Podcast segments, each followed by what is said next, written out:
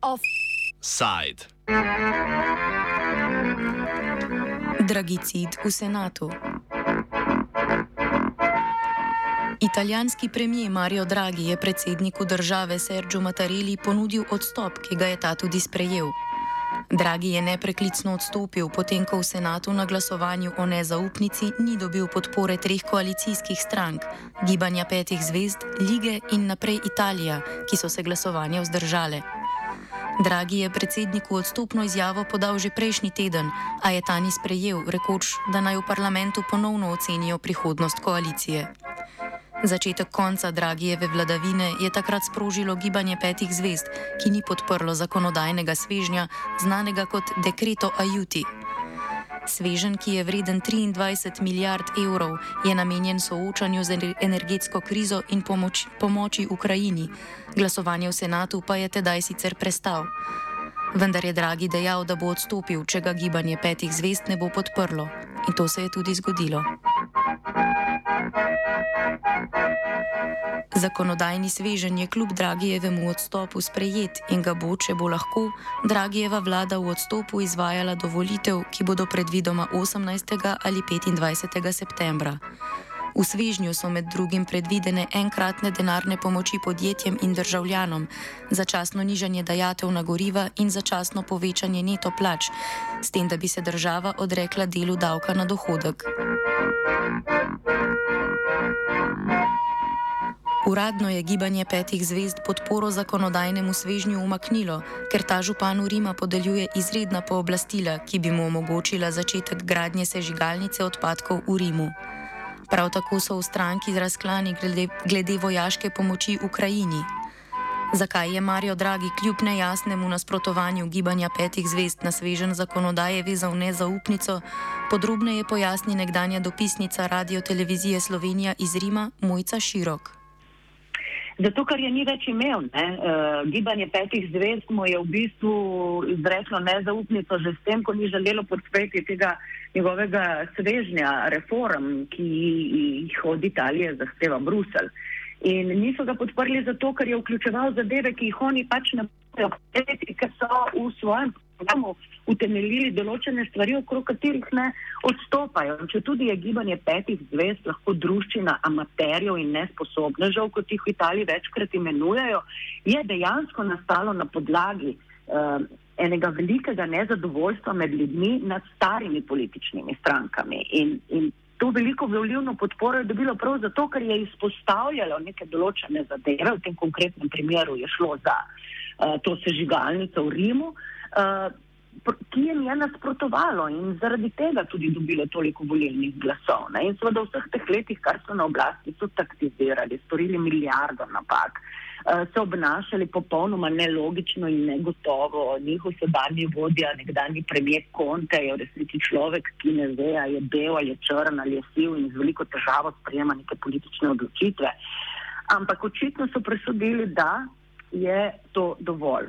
In verjetno tudi na ključe, da so to v tem trenutku ugotovili, ker do rednih volitev ni več dolgo.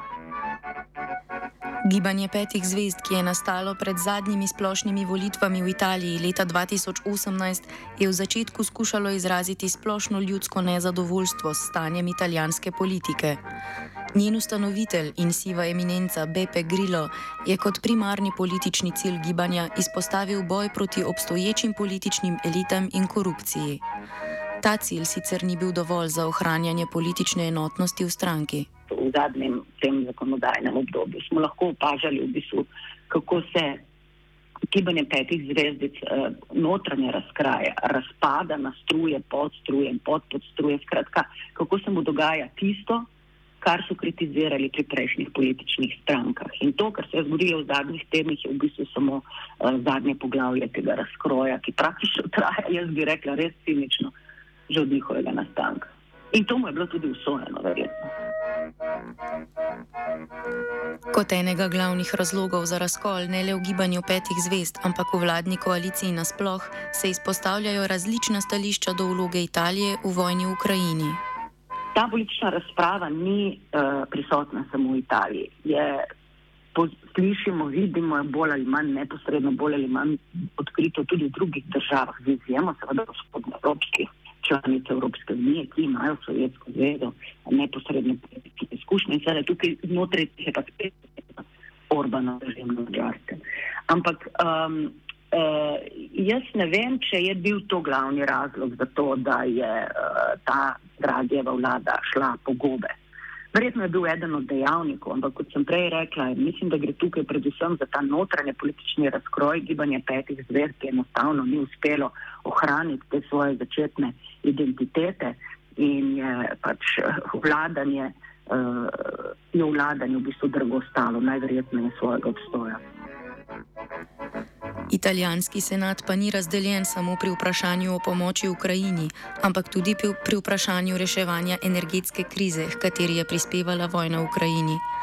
Širok pojasnjuje, da je kriza z energenti samo del gospodarskih problemov, s katerimi se Italija sooča že zadnjih 30 let. Mislim, Italija je v permanentni krizi že zadnjih 30 let. Odkar je prevzela evro, ima gospodarsko rast na ničli, uh, javni dolg pa samo raste, ne glede na to, kakšne ukrepe in kakšne reforme sprejemajo.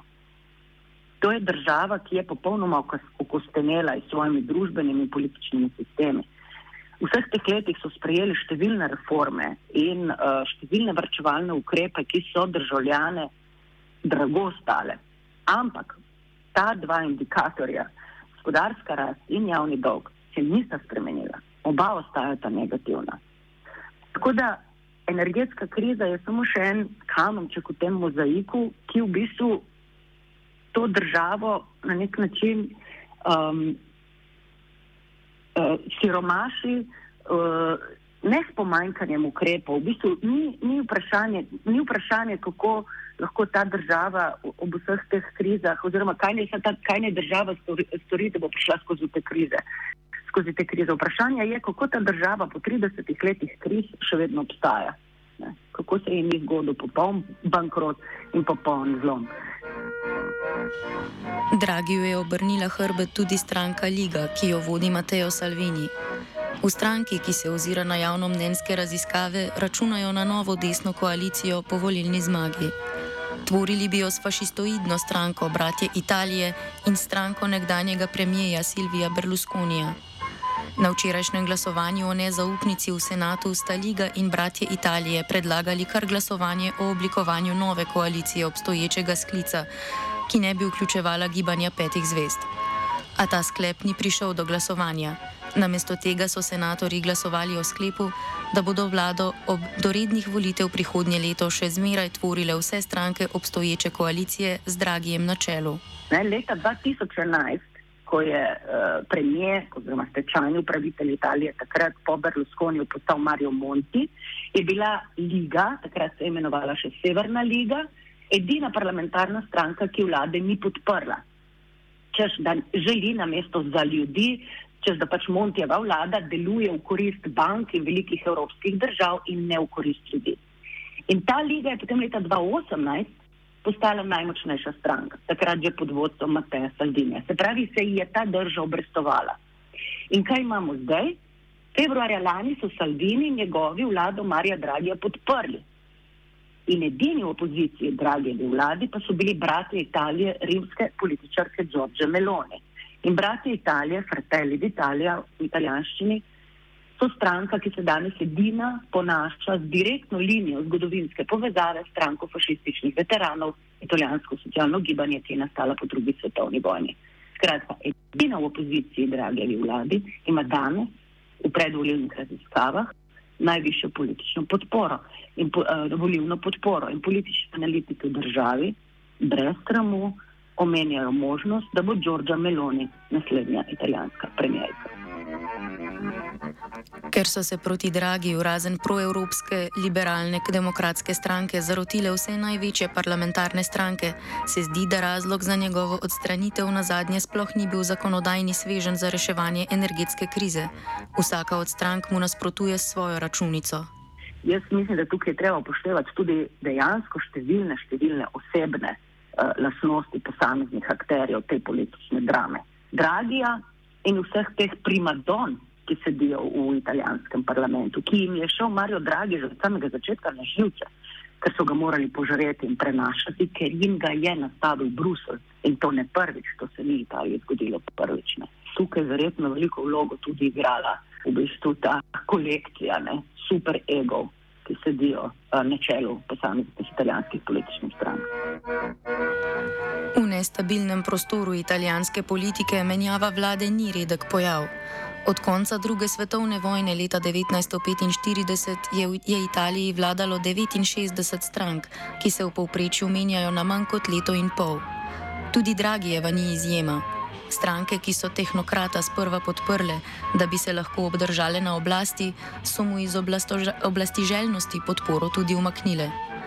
Zakonodajni svežen o reševanju energetske krize je gibanju petih zvest služil le kot povod, da Dragi umakne podporo na področju, kjer se deklarativno progresivna stranka ne more strinjati, konkretno na področju okoljske politike in sežigalnice v Rimu. Tako si skušajo v stranki oprati ugled, ki so si ga zamazali zaradi sodelovanja z eurokratom, človekom, ki pooseblja vse, čemu je stranka nekdaj nasprotovala. Desnica pa je zdrahe levega pola italijanske politike zgolj izkoristila z računico na prepričljivo volilno zmago. Offside je pripravil vajenec Jan, pomagal je Fin. Offside.